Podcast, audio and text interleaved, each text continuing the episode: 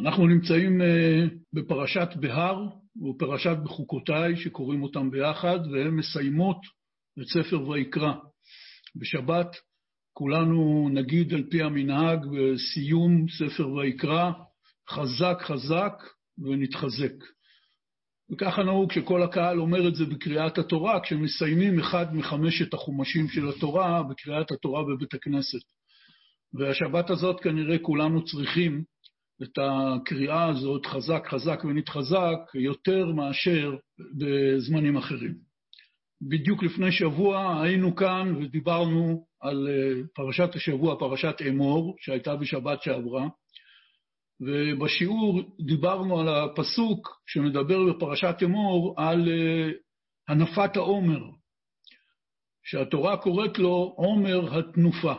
ודיברנו על זה שיש כאן רמז לעבודה שהאדם צריך בשעות אה, משבר, שצריך לעמור את עצמו, לאסוף את עצמו, שזה פירוש המילה עומר, שאוספים כמה שיבולים של שעורים ביחד, ואחר כך בבית המקדש, אחרי שעושים את זה, את מנחת העומר, מניפים אותה כלפי מעלה. ודיברנו על זה שהאדם צריך לאסוף את עצמו, את כל הכוחות שיש בו, למקום אחד, כפי שאנחנו נוהגים להגיד למישהו שהוא במצב לא כל כך טוב, אומרים לו, תאסוף את עצמך. כי כאשר האדם נמצא בשעת משבר, הכוחות שלו, מרוב הבלבול, מתפזרים.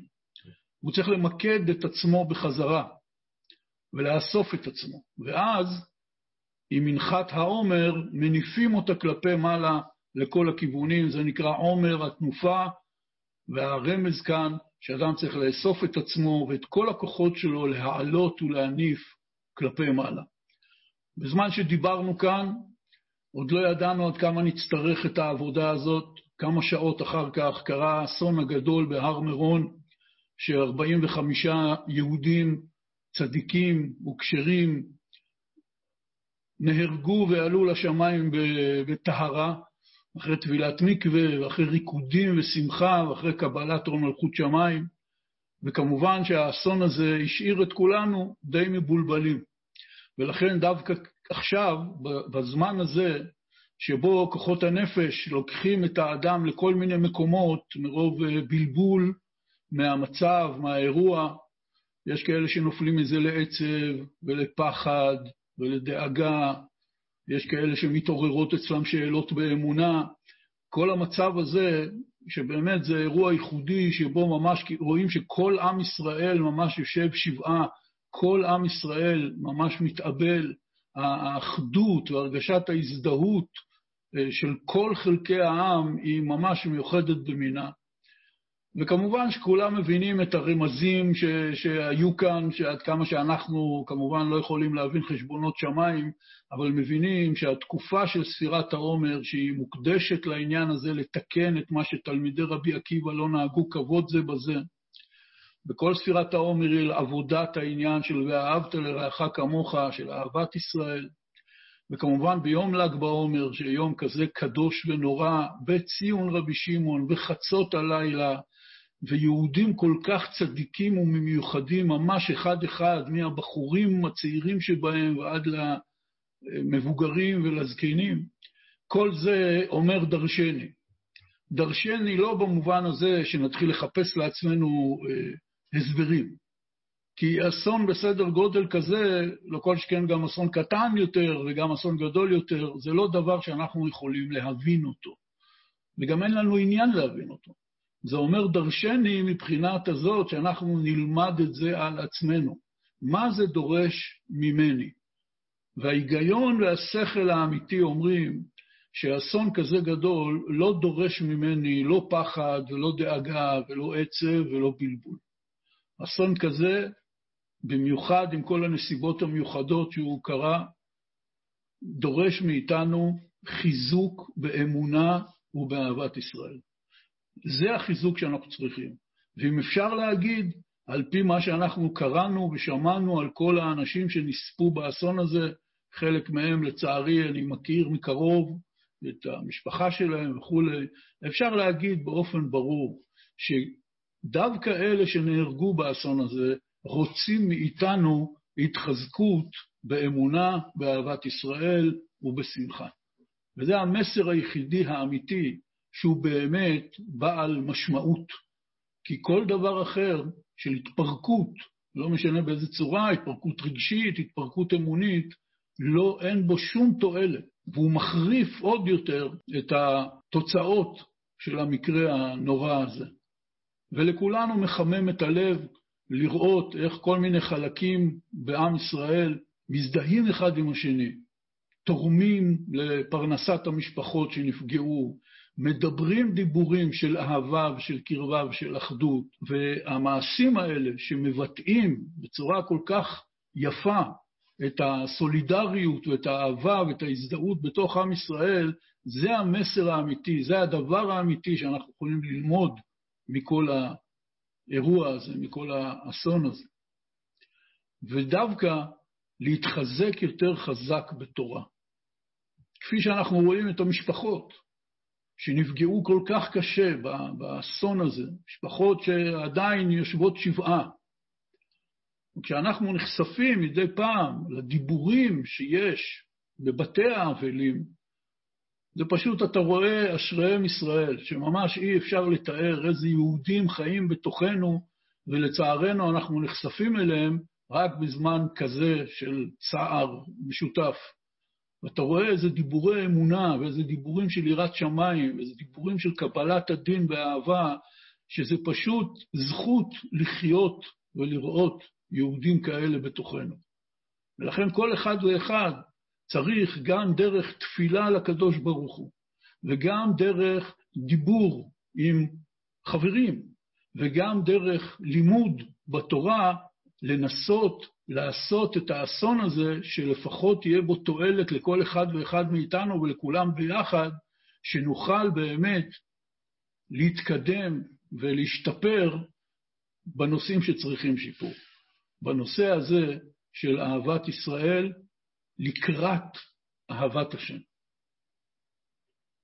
ודיברו מזה הרבה אנשים גדולים, אבל גם אנחנו הקטנים יכולים להגיד בזה את כל הרמזים שיש אה, אצלנו, לדבר בגנות המחלוקת, בגנות השנאה, מפני שזה דבר פסול, וכל אדם מרגיש את זה בתוך ליבו, שזה דבר פסול. רק יש איזה יצר הרע כזה שיש בתוכנו, שגורם לפעמים פירוד. וכפי שאנחנו יודעים, דבר מאוד מאוד מפורסם, בבית ראשון חז"ל אמרו שהוא נחרב בגלל שעברו על שלוש העבירות של ייהרג ובל יעבור, שפיכות דמים, גילוי עריות ועבודה זרה. אבל בבית שני, חז"ל אמרו, הוא נחרב בגלל שנאת חינם. למרות שגם שם בוודאי היו עוד הרבה דברים שהם היו לא בסדר. אבל חז"ל, הקדושים, ידעו לשים ברוח קודשם את האצבע על הנקודה החשובה. ובית ראשון, שנחרב בגלל עבירות חמורות ביותר, הוא היה חרב למשך 70 שנה. ואחר כך בנו אותו מחדש. אבל בית שני, שנחרב בגלל שנאת חינם, הוא כבר חרב יותר מ-1900 שנה, קרוב ל-2000 שנה. מזה אנחנו מבינים שלפי דעת חז"ל, שהם מורינו ומדריכינו ומאורינו, שהם מאירים לנו את הדרך להבנת התורה שבכתב, התורה שבעל פה, בעיניהם שנאת חינם זה עוון הרבה יותר חמור מאשר כל העבירות החמורות של ייהרג ובל יעבור. וצריך פה להפנים לתוכנו, בעזרת השם, שנזכה לדבר על זה, ואולי קצת נתחזק בזה, ששנאת חינם, פירוד ומחלוקת יהיו אצלנו גם כן כמו מצוות של ייהרג ובל יעבור. וזה אומר לא רק בהסכמה עם הרעיון, אלא שבאמת כל אחד ואחד מאיתנו יחפש איפה יש לי בעיה של פירוד ומחלוקת וחוסר אהבה לאיזה אדם מישראל, ולנסות לעשות מעשה שיחבר את כולנו ביחד. ובמקום שיש אנשים שרבים אחד עם השני, מתווכחים, לפעמים אפילו חס ושלום מרימים יד אחד על השני, יהיה חיבוק וחיבור. לא במובן שכולנו פתאום נהיה אותו דבר, אלא שנעשה שלום באופן כזה, כפי שרבי נחמן אומר, ששלום עושים בין שני הפכים. שני דברים שהם דומים אחד לשני, אין צורך לעשות שלום ביניהם, הם בסדר. אבל כאשר יש הפכים, כאשר יש שוני גדול בין האנשים, אם זה בדעות, אם זה בסגנון, בהתנהגות, אם זה לפעמים שאחד פגע בשני ועשה לשני איזה מעשה שגורם לשני לשנוא אותו, לא לאהוב אותו. הנקודה הזאת היא דורשת שאנחנו נשים לב שאם אני צריך לעשות שלום, אני צריך לחפש את מישהו הפוך ממני, שונה ממני, רחוק ממני, ואליו אני צריך ללכת כדי להתחבר איתו. ויש הרבה יצר הרע ויש הרבה ציניות, שאנשים שלא מעוניינים להיכנס למהלך הזה, לא מאמינים בזה, מנסים לקרר אותנו מהעניין הזה, אבל אני חושב שהנסיבות הכל כך מיוחדות של האסון הזה, זה לא סתם תאונה, הזמן שהוא קרה בו והמקום שהוא קרה בו והאנשים שנהרגו שם, זה ממש צועק לכל אחד מאיתנו לשים את כל הציניות בצד, את כל הדאגה בצד, את כל הפחד בצד, ופשוט להקדיש בספירת העומר, שהיא בדיוק הזמן המתאים לזה, לעשות איזה מעשה של שינוי, של להתחיל לנהוג כבוד זה בזה. וכמובן שעיקר העבודה שלי זה לנהוג כבוד במישהו שאני לא כל כך מכבד אותו בדרך כלל. כי הוא שונה ממני, כי הוא מרגיז אותי וכן הלאה. וזאת עבודה. וזאת עבודה כל כך חשובה שעם ישראל צריך להשתפר בה באלפיים שנה האחרונות, אז כאן יש לנו רמז מאוד מאוד חזק. בפרשת בהר ובחוקותיי, אלה שתי פרשות קצרות מאוד, שברוב השנים קוראים אותן מחוברות. פרשת בהר מדברת על חופש. פרשת בחוקותיי מדברת על שלום. אלה שתי הנקודות שרציתי להדגיש הערב במובן הזה של שתי הפרשות האלה, חופש ושלום. עם כל המהות הפנימית שהתורה מלמדת אותנו. מפני שצריך לדעת שיש לנו יסוד מאוד גדול במחשבה של התורה, שהתורה היא אוסף של עצות. כתוב בזוהר הקדוש שתרי"ג המצוות, הזוהר הקדוש קורא להם תרי"ג עצות. התורה באה להורות דרך לאדם. התורה באה לתת עצות לאדם. ומופיע בחז"ל שכל מצווה היא נר, כמו שכתוב בפסוק, נר מצווה. כל מצווה היא נר שבא להאיר לך איזה דרך, לתת לך עצה ואיזה מבוי סתום. אבל כל התורה כולה, עם כל המצוות שיש בה, אמרו חכמי המוסר, זה לא אוסף של נרות, אלא התורה כולה כמקשה אחת היא אור גדול בפני עצמה. זה לא עוד נר ועוד נר ועוד נר, ואז יש לי 613 נרות, אלא כל מצווה היא נר בפני עצמה. אבל, אומר הפסוק, נר מצווה ותורה אור. כך אומר הפסוק. התורה, כל מצווה היא נר. התורה ביחד, כל המצוות ביחד, כמקשה אחת, זה אור. וכל עוד אני מרגיש חסר עצה, חסר דרך, מבולבל, כפי שקורה לכל אחד מאיתנו בכל יום, זה אומר שהתורה עדיין לא מאירה בי, שהמצוות הן עדיין לא הנרות שלי שמראים לי את הדרך. ולכן, כאשר אנחנו מתייחסים לתורה בתור איזה אור אחד גדול, אנחנו צריכים להבין שמכל מצווה ומצווה, מעבר לדינים של המצווה, כלומר ההלכות של המצווה, מה, מה מהות המצווה, איך מקיימים אותה, וכמובן את זה צריך ללמוד בפרוטרוט ולהקפיד לקיים את כל המצוות וההלכות ככתבן וכלשונן, כפי כוונתן. אבל בכל מצווה יש גם איזו פנימיות. וזה מה שהזוהר הקדוש מתכוון, שכל מצווה היא עצה. לכן כאשר אנחנו לומדים את הפרשות, במיוחד באופן כזה שאנחנו משוחחים בינינו על הפרשה, כדי שיצא לנו מזה משהו לעבודת השם, לחיים יותר טובים, הדבר הזה מבקש מאיתנו לחפש ולעיין בספרים ולראות איך אפשר למצוא מהפרשה איזה לימוד שירומם אותנו קצת למעלה. בוודאי ובוודאי בזמן כזה, שבשבוע האחרון כולנו קצת השתופפנו וקצת הורדנו את הראש, בוודאי ובוודאי צריך למצוא בפרשות האלה איזה לימוד שיתאים לכל אחד מאיתנו. בפרשת בהר רוב הפרשה, כמעט כולה, מדברת על מצוות השמיטה ומצוות היובל.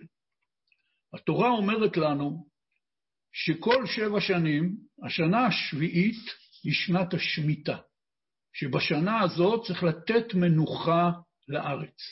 ושבתה הארץ שבת לשם. ככה אומרת התורה. וכמובן, אנחנו מכירים את אה, שנת השמיטה, בשנה הבאה תהיה שנת שמיטה, שנת תשפ"ב, ולכן אולי זה זמן טוב, עכשיו, כמה חודשים לפני שמגיעה השנה החדשה, ללמוד את כל הלכות השמיטה.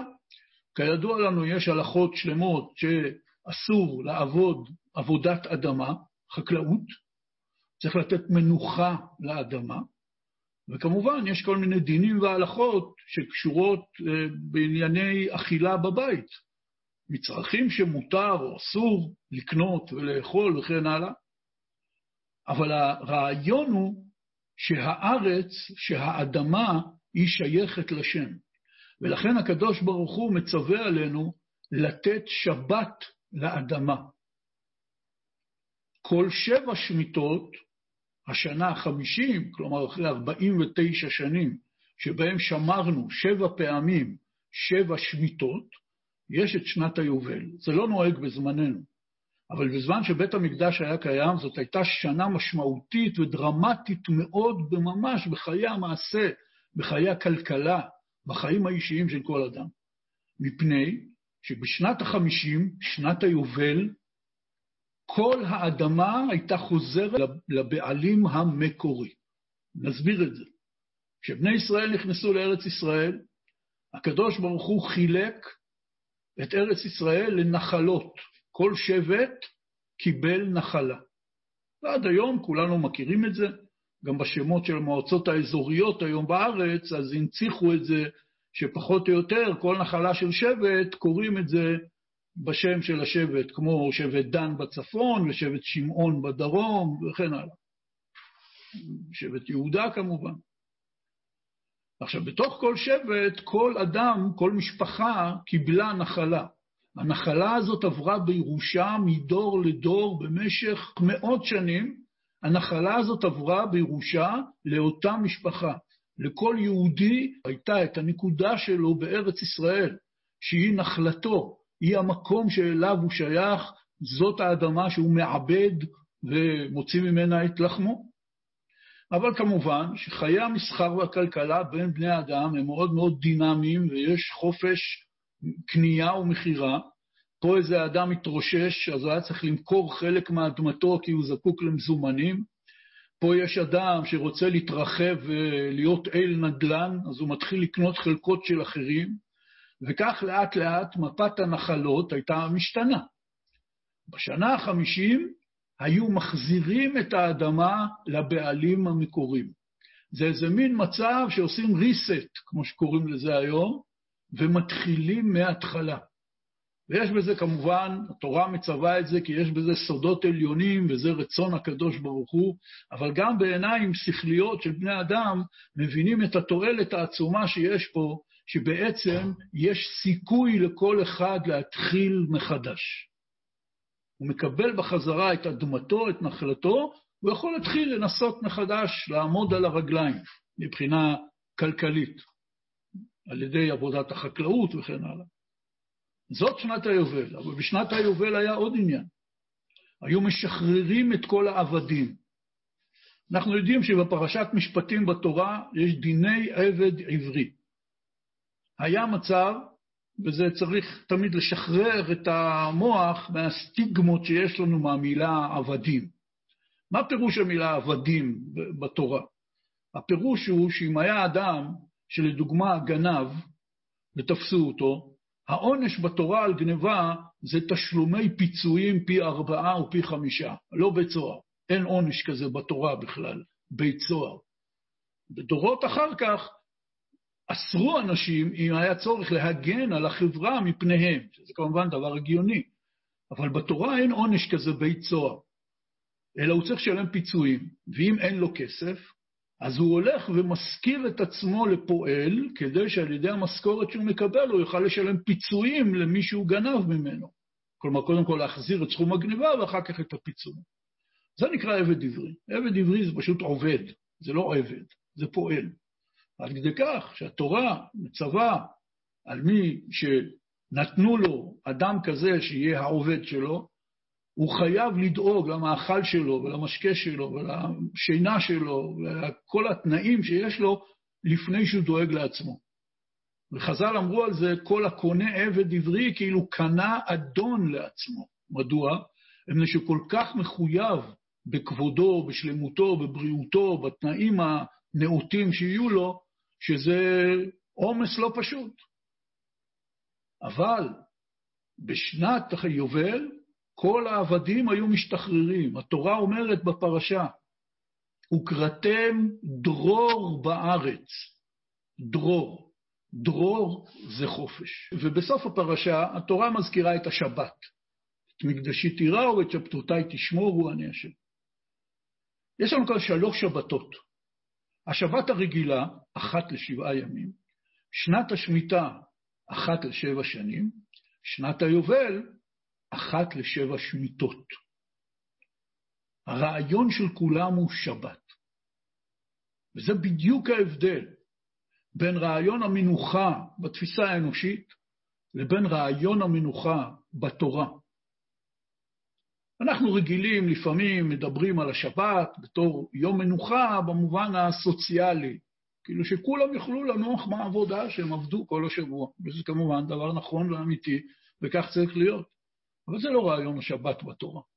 רעיון השבת בתורה זה שהמנוחה היא בריאה בפני עצמה. ככה רש"י כותב בתחילת התורה, במעשה בריאת העולם. אומר רש"י, באה השבת, באה המנוחה. הקדוש ברוך הוא ברא דבר חדש בעולם, מנוחה. מנוחה זה לא נקרא לא לעבוד. כולנו יודעים את זה. לפעמים אדם יוצא לחופש, יושב על כיסא נוח מול הים, הוא בחופש. אבל את נפשו מטרידים הרבה עניינים, והוא לא מרגיש את החופש. החופש זה לא הכוונה אם אני בבית מלון או נסעתי לטיול, זה לא עושה את זה חופש. חופש זה מצב של מנוחת הנפש. יכול להיות אדם עסוק עד מעל הראש, עובד קשה, אבל הוא שורק בשמחה כי טוב לו, כי הוא עכשיו במנוחת הנפש. ויכול להיות אדם שהוא כרגע נמצא בחופש, והוא לא עובד, אבל הוא לא מרגיש בפנים שום מנוחה. הרעיון של שבת זה מנוחת הנפש, על ידי מנוחת הגוף, על ידי שאדם שומר על המלאכות שאותן אסור לעשות בשבת, הוא יכול לקיים את הציווי שהוא מדברי נביאים, והוא ממש הלכה בתורה או בשולחן ערוך, וקראת לשבת עונג. ולכן אסור בשבת להתעסק בענייני חול, לכן אסור בשבת לדבר דיבורי חול, יש זה סימנים שלמים בספר שולחן ערוך, הרבה מאוד הלכות. כי האדם צריך לייצר לעצמו סביבה כזאת ביום שבת, שבו המנוחה של הנפש תוכל לנבוט, תוכל לצאת מן הכוח אל הפועל, תוכל להתגלות. זה סוד המנוחה. כך זה גם שנת השמיטה. נותנים מנוחה לארץ כולה. יש איזה מין מצב של שבת כללית, של שנה שלמה. וכמובן שבחברה שבה רוב האנשים, ברוב השנים של קיום עם ישראל, עבדו את עבודת האדמה. ברגע שאתה אוסר על עבודת האדמה, פתאום לכולם יש חופש שנה שלמה, כפי שיש גם היום, לחקלאים ששומרים שמיטה. ולכן בשנה הבאה עלינו לטובה, שנת תשפ"ב, שהיא שנת שמיטה, גם אלה מאיתנו שהם לא חקלאים, וממילא כאילו אין שינוי, רק פה ושם בכל מיני הלכות כשרות, דברים שאסור לאכול, דברים שמותר לאכול, אבל ראוי מאוד בשנה הזאת לנסות שתהיה שנה שיהיה בה יותר, שתהיה בה יותר מנוחה מאשר בשנים אחרות. זאת שנה קדושה, כשם ששבת הוא יום קדוש. ובשנת היובל וקראתם דרור בארץ לכל יושביה. מי שאיבד את אדמתו, חוזרת לו מנוחת הנפש, הוא מקבל בחזרה את נחלתו. מי שהיה צריך למכור את עצמו לעבד לצורך החזרת חוב או תשלום פיצויים, הוא הופך להיות אדם חופשי. השבת, השמיטה והיובל הם בעצם לימוד עמוק מאוד לכל אחד מאיתנו, לאו דווקא בשבת או בשנת שמיטה. זה לימוד עמוק מאיתנו, עמוק מאוד לכל אחד מאיתנו בכל יום ויום. המנוחה היא דבר נצרך בדיוק כמו העבודה והמלאכה. המנוחה אין פירושה לא לעבוד. המנוחה היא החופש האמיתי של האדם. ולכן אמרתי שהנקודה שאני רוצה להוציא מפרשת בהר זה נקודת החופש. מה זה חופש?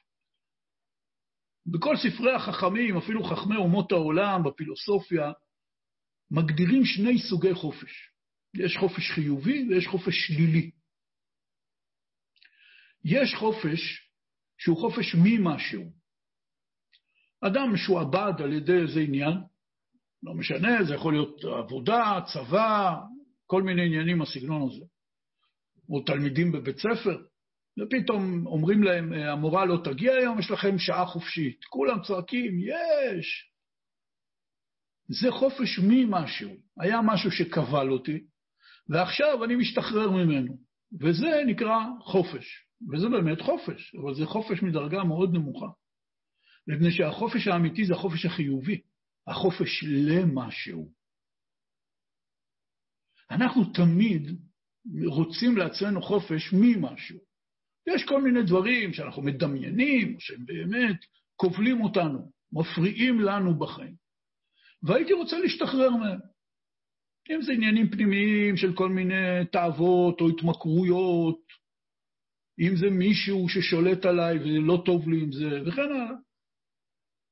אבל החופש היותר עליון הוא החופש למשהו. וככה כל הפילוסופים, גם הגויים, מגדירים את שני רעיונות החופש, וכמובן מדגישים את העניין שהחופש החיובי, החופש למשהו, הוא הרבה יותר עליון מאשר החופש ממשהו. והדוגמה הכי טובה תמיד לאבותינו החשמונאים, כאשר היוונים שלטו בארץ ישראל. היוונים שלטו כאן 150 שנה. עם ישראל לא מרד בהם, כפי שרוב העולם המיושב אז נשלט על ידי היוונים ולא מרדו בהם בדרך כלל. אבל כאשר היוונים, כלומר אנטיוכוס, שבעצם היה בסוריה, היה יורשו של, בין היורשים של אלכסנדר מוקדון, כאשר היוונים גזרו על קיום המצוות, שבת, קידוש החודש וברית מילה, קמו הכהנים הקדושים, אנשי הרוח של עם ישראל, ומרדו מרד צבאי באימפריה היוונית. זאת שכל עוד הם רק הגבילו את החירויות שלהם פה ושם, אם זה בהטלת מיסים או דברים אחרים, אז קיבלו את העול, כי מול אימפריה כזאת קשה מאוד להתמרד. אבל כאשר הם שללו את החופש של עם ישראל לשמור מצוות, אז הם קמו למלחמת חופש, שהיא עד היום, המרד הזה של החשמונאים, אחרי כל כך הרבה שנים, הוא עדיין עד היום, בכל התרבות, לאו דווקא בעם ישראל, הוא סמל למלחמת חופש. המלחמת חופש זה חופש למשהו. ולכן כאשר אני מחפש לעצמי חופש, עדיף שאני קודם כל אגדיר לעצמי מה הדברים שהייתי רוצה לעשות, מה הדברים שהייתי רוצה להיות חופשי לעשות. כמובן דברים בעלי משמעות, שהם נותנים הצדקה למאמץ, למלחמה, אם אפשר לומר כך, על החופש שלי. אבל כאשר אין לי שום דבר שהייתי רוצה לעשות, רק מה, לא בא לי שמישהו יגיד לי מה לעשות. כמו שהמשפט הרגיל היום בינינו, אתה לא תגיד לי מה לעשות, מי אתה שתגיד לי מה לעשות? אז כמובן, התשובה לזה צריכה להיות, אם אני לא אגיד לך מה לעשות, בסדר, אתה צודק. מי יגיד לך מה לעשות? לפחות שאתה תגיד לעצמך מה לעשות. מפני שחופש זה לא לעשות מה שבא לי, חופש זה לעשות מה שחשוב לי, לעשות מה שחשוב בכלל. כי מה שבא לי זה אוסף של חשק ותאוות ודחפים, שזה לא כזה דבר קדוש. יש באדם רצון חזק מאוד לחופש.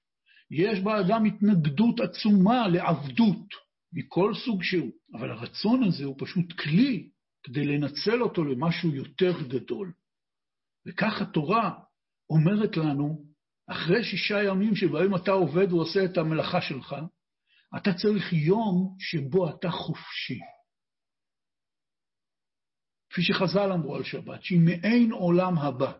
בעולם הבא אנחנו נהיה חופשיים ממאסר הגוף. הנשמה באה לחיות חיים נצחיים בלי מגבלות הזמן והגוף, וכמובן כל טרדות וצרות העולם הזה. שבת היא מעין עולם הבא. שבת היא החופש האמיתי, שבו האדם חופשי להתרכז במה שחשוב.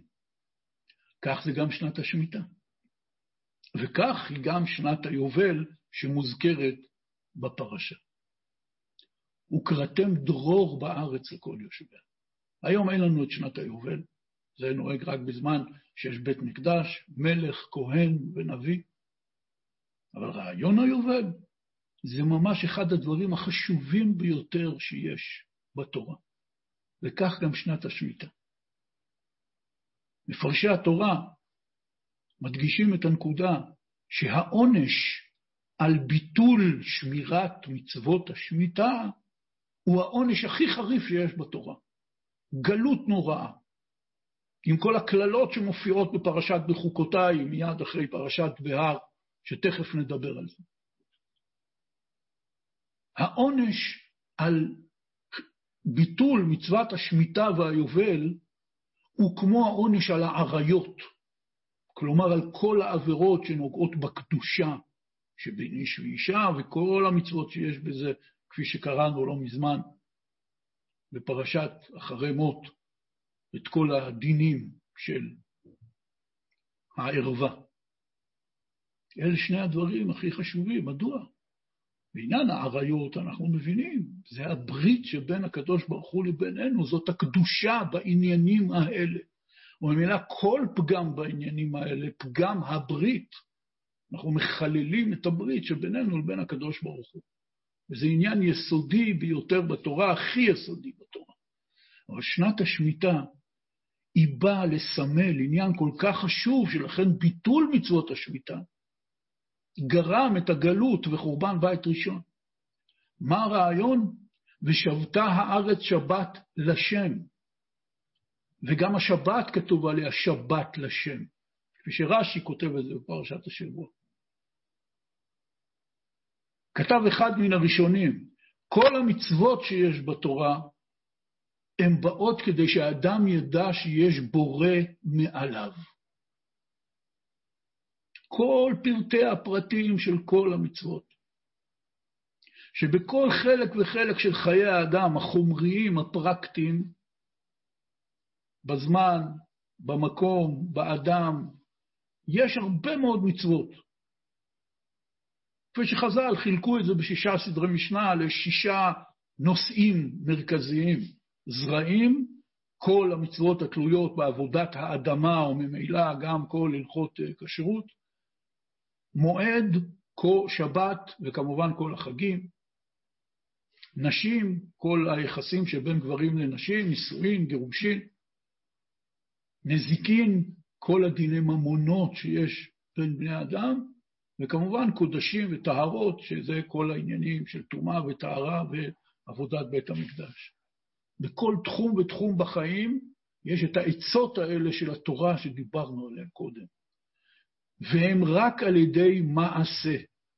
זה לא רעיונות, אלא זה דרך התנהגות של מעשה שמקדשת את המציאות סביב האדם. אבל כל המצוות כולם הן באות כדי שהאדם ידע שיש בורא מעליו, שכל דבר צריך להיות מוקדש לשם. וזה הרעיון היסודי ביותר שיש בתורה. ויש עליו סימן בשולחן ערוך, שהכותרת שלו היא שכל מעשיו יהיו לשם שמיים. אתה אוכל, שותה, ישן, יוצא לחופש, מתאוורר, מטייל, הכל טוב. שכל מעשיו יהיו לשם שמיים. וכפי שבפרשה הקודמת, יש את הפסוק וחי בהם, שאדם צריך לחיות על פי התורה, וחי בהם. וכותב אחד מגדולי ישראל, הנציב מוולוז'ין, שהיה לפני כמאה וכמה שנים, הוא אומר וחי בהם, הוא נותן ביטוי נפלא, עליזות הנפש. ככה הוא קורא לזה. הוא אומר, עיקר העיקרים אצל האדם צריך להיות עליזות הנפש, השמחה, הרגשת החיים. כשבן אדם חי ומלא חיות, הוא מרגיש את זה, הוא יודע את זה. כשאדם מרגיש שחיותו הצטמצמה והוא איזה מין סוג של מת חי, הוא גם כן מרגיש את זה. וחי בהם עליזות הנפש. זאת מטרת התורה, שיהיה כאן אדם חי שמכיר בזה שיש בורא שנתן לו דרכים ומצוות ועצות שבהם ועל ידיהן הוא יכול לחיות. וכמובן שכל אחד מאיתנו, אני מרגיש את זה, ודאי שאני מניח שגם אתם, זה אולי הדבר שהכי חסר במהלך היום, במהלך השגרה. נקודת הווחי בהם, נקודת עליזות הנפש.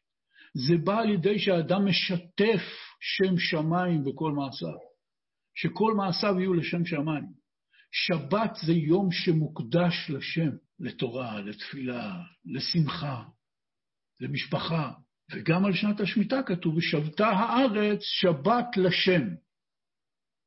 זו לא מצווה חקלאית במרכאות, זו מצווה שרובה נעשית בענייני חקלאות, אבל המטרה היא להכריז מחדש, להראות מחדש, שאנחנו מכירים באלוהותו, כפי שהרמב"ן, רבנו משה בן נחמן, כותב בפירושו לתורה, בפרשת בו, נדמה לי, שכל העניין הוא שבני אדם יתקבצו ביחד ויאמרו לקדוש ברוך הוא, בריותיך אנחנו. זאת נקודת האמונה. להרגיש את הקדוש ברוך הוא בכל מקום, לראות את יד השם בכל מקום, להבין שהקדוש ברוך הוא משגיח על הארץ, להבין שהקדוש ברוך הוא עשה, עושה ויעשה לכל המעשים. חיזוק האמונה, הארת האמונה, בהירות האמונה. זה נעשה על ידי תפילה, שאתה מדבר דיבורי אמונה, כפי שתועד המלך אומר, הודיע אמונתך בפי, על ידי דיבורים, אתה מעורר את האמונה המוסתרת בתוכו. זה נעשה על ידי תפילה, נעשה על ידי תורה, כשאדם לומד את התורה הקדושה, וממילא מתעוררת בו האמונה, נעשה על ידי מעשים. זה שאדם מראה בעצמו, לעצמו, שהכל זה לשם יתברך. וזה החופש האמיתי. כפי שכתוב במתן תורה על לוחות הברית, והכתב מכתב אלוקים חרוט על הלוחות. אומרים חז"ל במסכת אבות, אל תקרא חרוט, אלא קרא חירות. חירות על הלוחות. התורה מקדשת את רעיון החופש. אדם צריך להיות חופשי. חופשי מיצרים, חופשי מדחפים, חופשי מהתמכרויות, חופשי מהשתעבדות לאנשים אחרים. אבל זה חופש למשהו. למה? הוא צריך להיות חשמונאי, צריך להיות כמו המכבים. אבל חופשי למה? חופשי להיות קשור, דבוק ואחוז בשם יתברך באמונה על ידי תורה ומצוות. כל יום ויום אני צריך שיהיה לי את נקודת השבת, את נקודת השמיטה, את נקודת היובל, וקראתם דרור בארץ לכל יושביה. להפסיק להיות עבד, לחזור חזרה ולהתחיל מההתחלה, בלי לשים לב מה היה קודם, כמו רעיון היובל שיש בתורה. זה רעיון החופש. פרשת בחוקותיי, פרשה כבדה. אפילו בקריאת התורה נוהגים סדר מסוים, מפני שבפרשה הזאת יש ברכות בתחילתה, שהקדוש ברוך הוא מברך את עם ישראל. מה יקרה להם, מה יהיה להם, אם הם ישמרו את תורתו ומצוותיו שהם ייכנסו לארץ ישראל. אבל יש שם גם רשימה ארוכה של קללות, מה יקרה להם אם הם לא יעשו את זה. בפרשת בחוקותיי יש 49 קללות, קשות, והיא מאוד מקבילה לפרשת כי תבוא. בסוף ספר דברים, ששם יש 98 קללות. פרשת בחוקותיי נקראת פרשת התוכחה, מפני שבפרשה הזאת יש אוסף, כמו שאמרנו, די uh, מבהיל של קללות. אז דבר ראשון צריך להרגיע את כולנו. רבנו הרמב"ן, רבי משה בן נחמן, מפרש התורה הכי חשוב אחרי רש"י, מגדולי הראשונים, מחכמי ישראל הכי גדולים שהיו בכל הדורות, כותב בפירושו לפרשת השבוע, פרשת בחוקותיי, שכל הקללות שכתובות בפרשה הם על הפרת הברית שהייתה בבית ראשון. וכל הקללות שכתובות בפרשה התקיימו בעם ישראל אחרי חורבן בית ראשון, והוא מוכיח את הכל בפירוט רב מהפסוקים. ומומלץ לכולם ללמוד את זה. הקללות האלה כבר התקיימו בנו.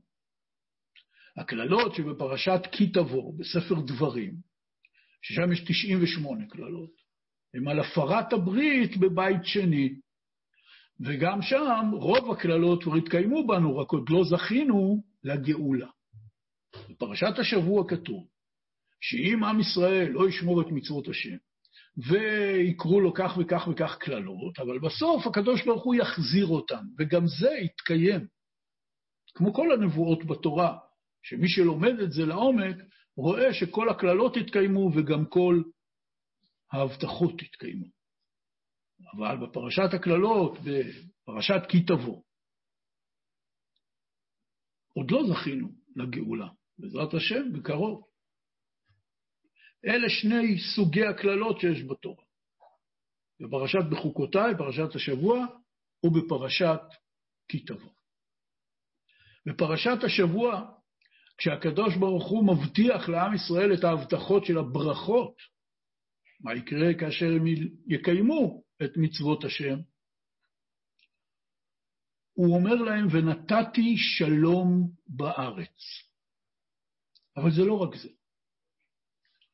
גם בקללות עצמם, מי שיעיין ויקרא בפסוקים יראה שעיקר הקללה זה חוסר השלום, הפחד, הבהלה. ואולי נראה פסוק אחד מפרשת השבוע, שיש לו גם הקשר מצמרר עם כל מה שקרה לפני שבוע במירון. אחת הקללות היא, כתוב כך, ואתכם אזרה בגויים, ועריקותי אחריהם חרב, והייתה ארציכם שממה, ועריכם יהיו חורבה. זה כמובן התקיים בחורבן בית ראשון. אז תרצה הארץ את שבתותיה כל ימי השמה, ואתם בארץ אויביכם, אז תשבת הארץ והרצת את שבתותיה. כלומר, בגלל שהם הפרו את מצוות השמיטה, שנקראת שבת הארץ, היה צריך זמן בגלות לכפר על העבירה הזו. כל ימי הושמה תשבות את אשר לא שבתה בשבתותיכם, בשבתכם עליה. וחז"ל מסבירים שלכן היה שבעים שנות גלות בין חורבן בית ראשון לבניין בית שני. והנשארים בכם, והבאתי מורך בלבבם בארצות אויביהם. מורך זה פחד. ורדף אותם כל עלי נידף, ונסו מנוסת חרב, ונפלו ואין רודף. לא שבאמת תהיה אויב שכל הזמן ירדוף אותם, יהיה מורך בלבבם, ורדף אותם כל עלה נידף, עלה נופל מעץ, יוצא רעש, מאוד חלש, לא מפחיד. הם יפחדו מהרעש הזה אפילו. ונסו מנוסת חרב, הם יברחו כאילו חרב רודפת אחריהם, ונפלו, ואין רודף. הכל זה עניין של השבתת השלום בלב. ויש עוד הרבה פסוקים כאן כאלה, אני רק נותן דוגמה. ואז מגיע הפסוק בפרק כ"ו בפסוק ל"ז. קללה קשה. וכפי שאמרתי, עם הקשר מצמרר למה שקרה עכשיו.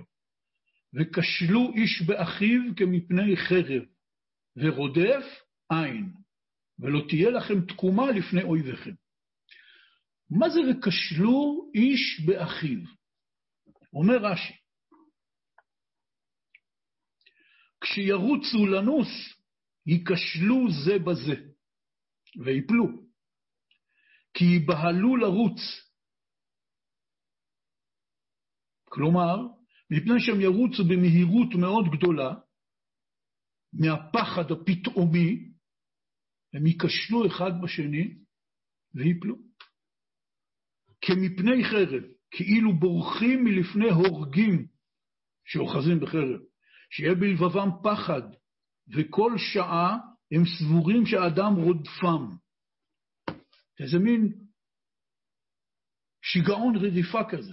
פתאום נכנס איזה פחד נורא, ואנשים מרגישים כאילו רודף אחריהם מישהו ורוצה להרוג אותם, והם מתחילים לרוץ במהירות עצומה, ונתקלים אחד בשני, ונכשלים אחד בשני, ועל ידי זה בא אליהם הנזק.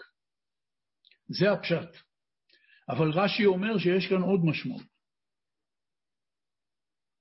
ומדרשו, וכשלו איש באחיו, זה נכשל בעוונו של זה, שכל ישראל ערבים זה לזה. כאשר אין שותפות וערבות בין אדם לחברו בעם ישראל, נכשלים זה בעוונו של זה. אדם אחד עובר עבירות, אחרים ניזוקים, למרות שהם לא עברו את העבירות האלה. מדוע? כי רש"י מצטט כאן את אמרת חז"ל הידועה מאוד, כל ישראל ערבין זה לזה. ערבין לא רק מלשון ערבות כמו ערב להלוואה, מעורבים אחד בשני, הם משפיעים אחד על השני. כפי שידוע המשל הנפלא של חז"ל, שהוא ממש יסוד מושג לכל העניין של ערבות ישראל זה לזה. אומרים חז"ל, אנשים הפליגו בספינה, פתאום הם מרגישים שהספינה מתחילה לטבוע ומתמלאת מים, הם הולכים לחפש איפה יש חור שדרכו המים מחלחלים לספינה ומטביעים אותה. עוברים תא אחרי תא באונייה. פתאום הם מגיעים לתא ורואים אדם קודח חור בתא שלו, ועל ידי זה נכנסים מים. אומרים לו, תגיד, מה אתה עושה? אתה מטביע את כולנו. והוא אומר להם, זה התא הפרטי שלי, אין לכם זכות להתערב כאן. אומרים חז"ל, ככה בדיוק זה עניין שישראל ערבים זה בזה. כאשר אחד עושה חור בספינה, כאשר אחד מתנהג שלא קשורה, הוא משפיע על כולם. המעשים של האנשים הפחות כשרים משפיעים על הכשרים ועל הצדיקים. ויש ערבות של זה בזה. עם ישראל זה עם מיוחד. עם ישראל זה נשמה אחת כללית. זה לא אוסף של אנשים פרטיים, ויש קשר חזק בין אדם אחד לשני. ולכן כאשר כל ישראל ערבים זה בזה, אומר רש"י, מדרש הפסוק הזה, וכשלו איש באחיו, פירוש שהם נכשלים בעוון, כל אחד נכשל בעוונו של חברו. וממילא כמובן מובן גם ההפך, כמו שחז"ל אמרו, מידה טובה מרובה. המצוות של אחד משפיעות גם על חברו.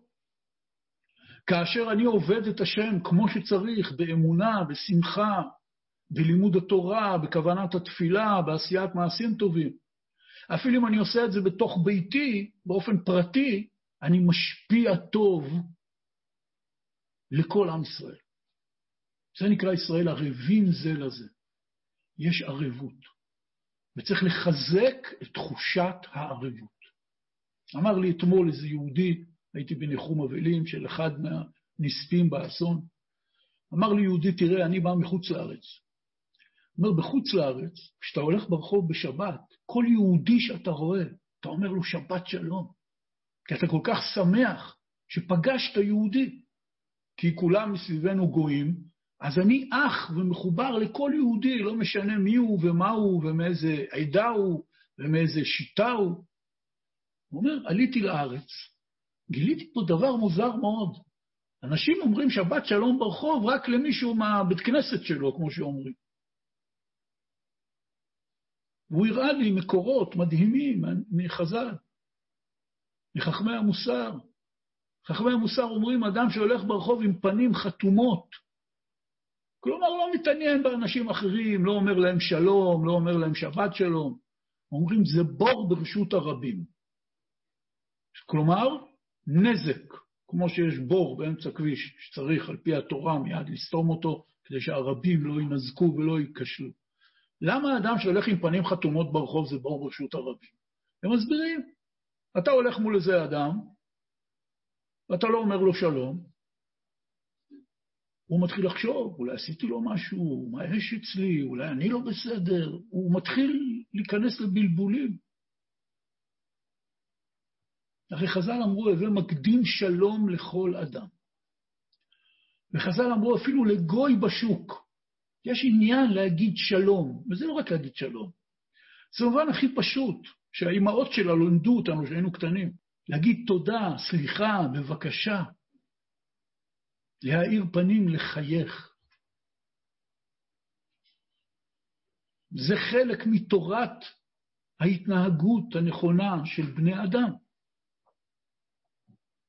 השלום בין בני אדם הוא מחזק את הערבות ביניהם, הוא מאפשר להם לחזק אחד את השני, להתרחק ממעשים שמזיקים לכלל, עוונות, שלא יהיה וקשרו איש באחיו, זה מחזק כמובן את הקשר החזק בעם ישראל של עשיית המצוות שמשפיעה על הכלל. לכן צריך לחזק את הערבות שיש בעם ישראל. איך עושים את זה? לך דווקא לאלה ששונים ממך ורחוקים ממך, ותיצור איתם קשר, כדי לעורר מחדש את עניין הערבות, את עניין השלום בעם ישראל. והשלום כולל המון דברים, כפי שהמילה שלום היא קרובה למילה שלמות. מילה שלום עצמה היא באה מהמילה שלווה, באופן דקדוקי. וזה מתחבר למה שדיברנו קודם.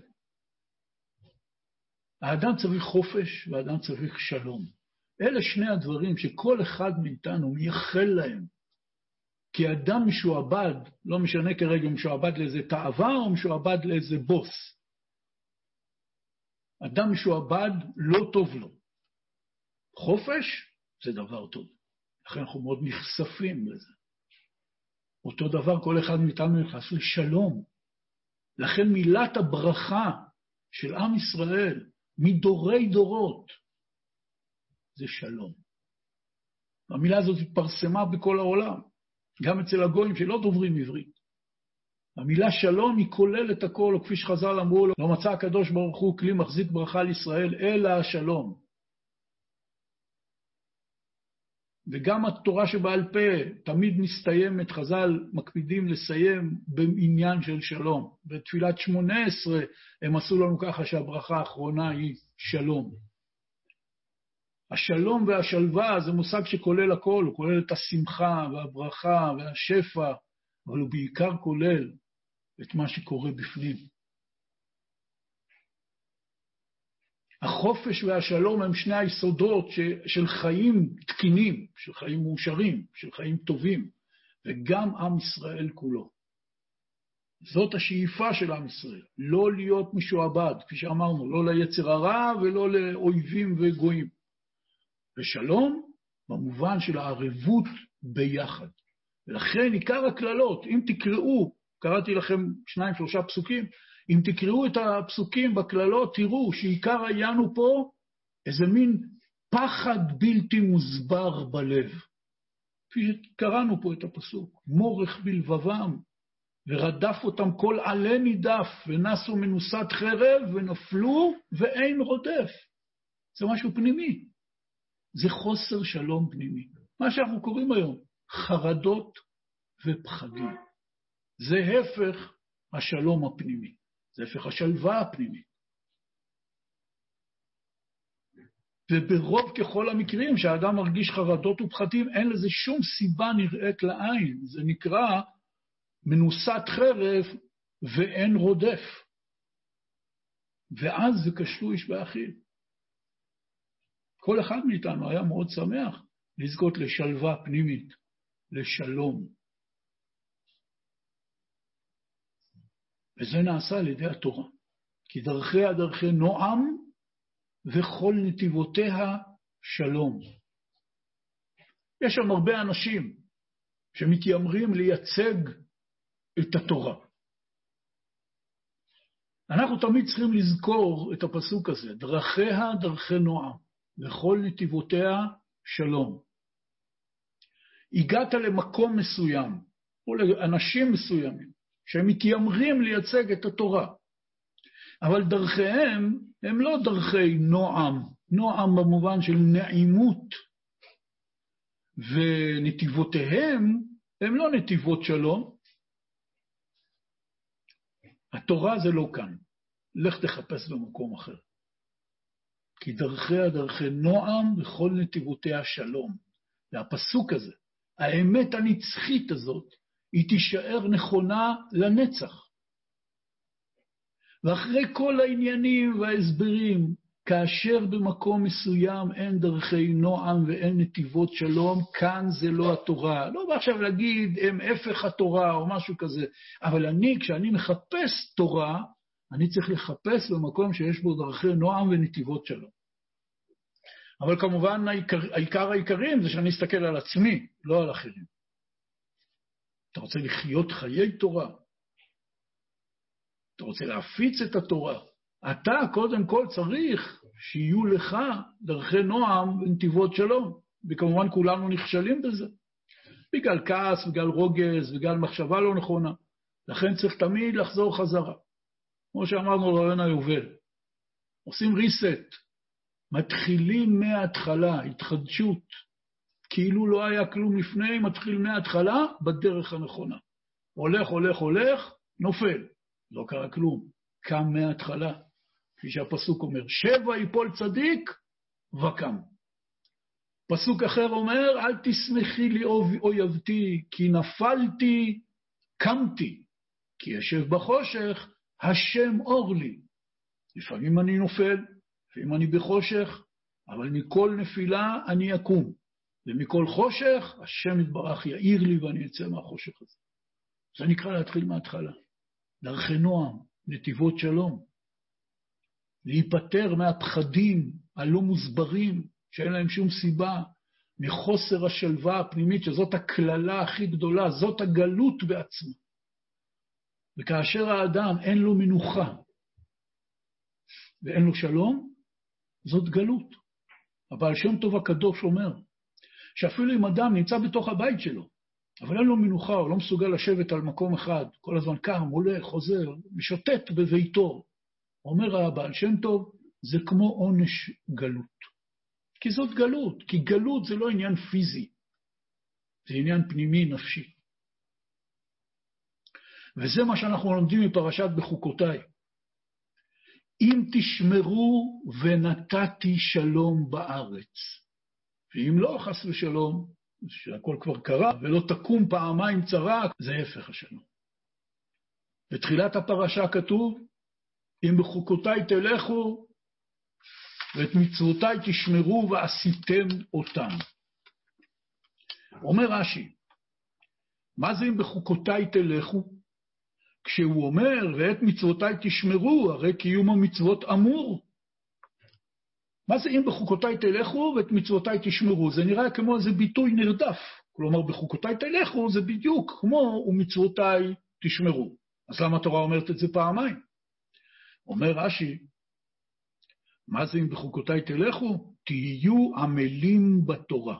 ככה אמרו חז"ל במדרש ספרא הקדום. אם בחוקותיי תלכו פירוש שתהיו עמלים בתורה. ואת מצוותיי תשמרו ועשיתם אותם, זה עוד עניין. תורה ומצוות. להיות עמל בתורה, לשמור את המצוות. ואז יש רשימה של ברכות נפלאות, מה יהיה לעם ישראל כעם באופן כללי, אם הם יקיימו את שני העניינים האלה. אבל כמה פסוקים אחר כך. מי שרוצה להסתכל, הפסוק שקראתי הוא בתחילת הפרשה, בפרק כ"ו, פסוק ג', ואחר כך, בפסוק ט"ו, כלומר, 12 פסוקים אחר כך, כתוב, ואם בחוקותיי תמאסו, ואם את משפטיי תגאל נפשכם, לבלתי עשות את כל מצוותיי, להפריכם את בריתי, ואז מתחילה רשימת 49 הקללות. אנחנו מסתכלים בפסוק הזה, אם בחוקותיי תמאסו ואת משפטיי תיגע נפשכם לבלתי עשות את כל מצוותיי, אנחנו מבינים שהפסוק הזה מקביל לפסוק הראשון בפרשה. הפסוק הראשון בפרשה מדבר על החיובי. בחוקותיי תלכו, מצוותיי תשמעו. הפסוק הזה מדבר על הצד השלילי, אם בחוקותיי תמאסו ואת משפטיי תיגע נפשכם לבלתי עשות את כל מצוותיי. יפה. זה הפסוק הראשון, הוא הקדמה לברכות, הפסוק השני, הקדמה לקללות. אבל צריך לשים לב, בפסוק מהצד החיובי כתוב, בחוקותיי תלכו. בפסוק השלילי כתוב, ואם בחוקותיי תמאסו. לכאורה, זה לא ההפך מזה. היה צריך להיות כתוב, אם את חוקותיי תרצו, ואם את חוקותיי תמאסו. כי לרצות דבר זה ההפך מלמאוס בדבר. או שבפסוק יהיה כתוב, מחוקותיי תלכו, אז בפסוק השלילי יהיה כתוב, מחוקותיי לא תלכו. זה ההפך מזה. ואולי אפשר ללמוד כאן רמז עמוק מאוד. מה זה נקרא בחוקותיי תלכו? הפך המצב שאת חוקותיי תמאסו. הרי זה עניין נפשי, רגשי. יש מצב שאדם מואס בדבר, לא יכול לראות אותו, לא יכול לשמוע עליו, התרחק ממנו. מזה אנחנו מבינים שאם בחוקותיי תלכו, הכוונה כאן ברצון, בשמחה, באהבה, בחשק, בתשוקה, בדיוק ההפך מתמאסו. זה נקרא אם בחוקותיי תלכו. ומה העניין של הפירוש של חז"ל שרש"י מביא בפרשת השבוע? שתהיו עמלים בתורה. באיזה דבר אדם בא ועמל בו, משקיע בו? בדבר שהוא מאוד רוצה בו. אנחנו קוראים לזה ככה, להשקיע. מישהו שרואים אותו דפוק במשימה, רואים איזה משקיען. הפסוק הראשון, הפירוש רש"י של הלשון שלנו אומר, אם בחוקותיי תלכו, שתשתיו משקיענים בתורה. משקיענים. כמו כל הביטויים של משקיענות שיש בזמננו. מצוינות, דבקות במטרה, איך זוכרים לזה? כי אתה רוצה את זה. כשאתה רוצה דבר, אתה משקיע בו. אתה מגייס את כל כוחות הנפש שלך, את כל הכישרונות שלך, את כל הכישורים שלך, ומשקיע בו כי אתה רוצה להשיג אותו. לא משנה מה זה. כך גם בחוקותיי תלכו זה ההפך מחוקותיי תמאסו. ההפך מתמאסו זה רצון, חשק, תשוקה, רצון לקרבה.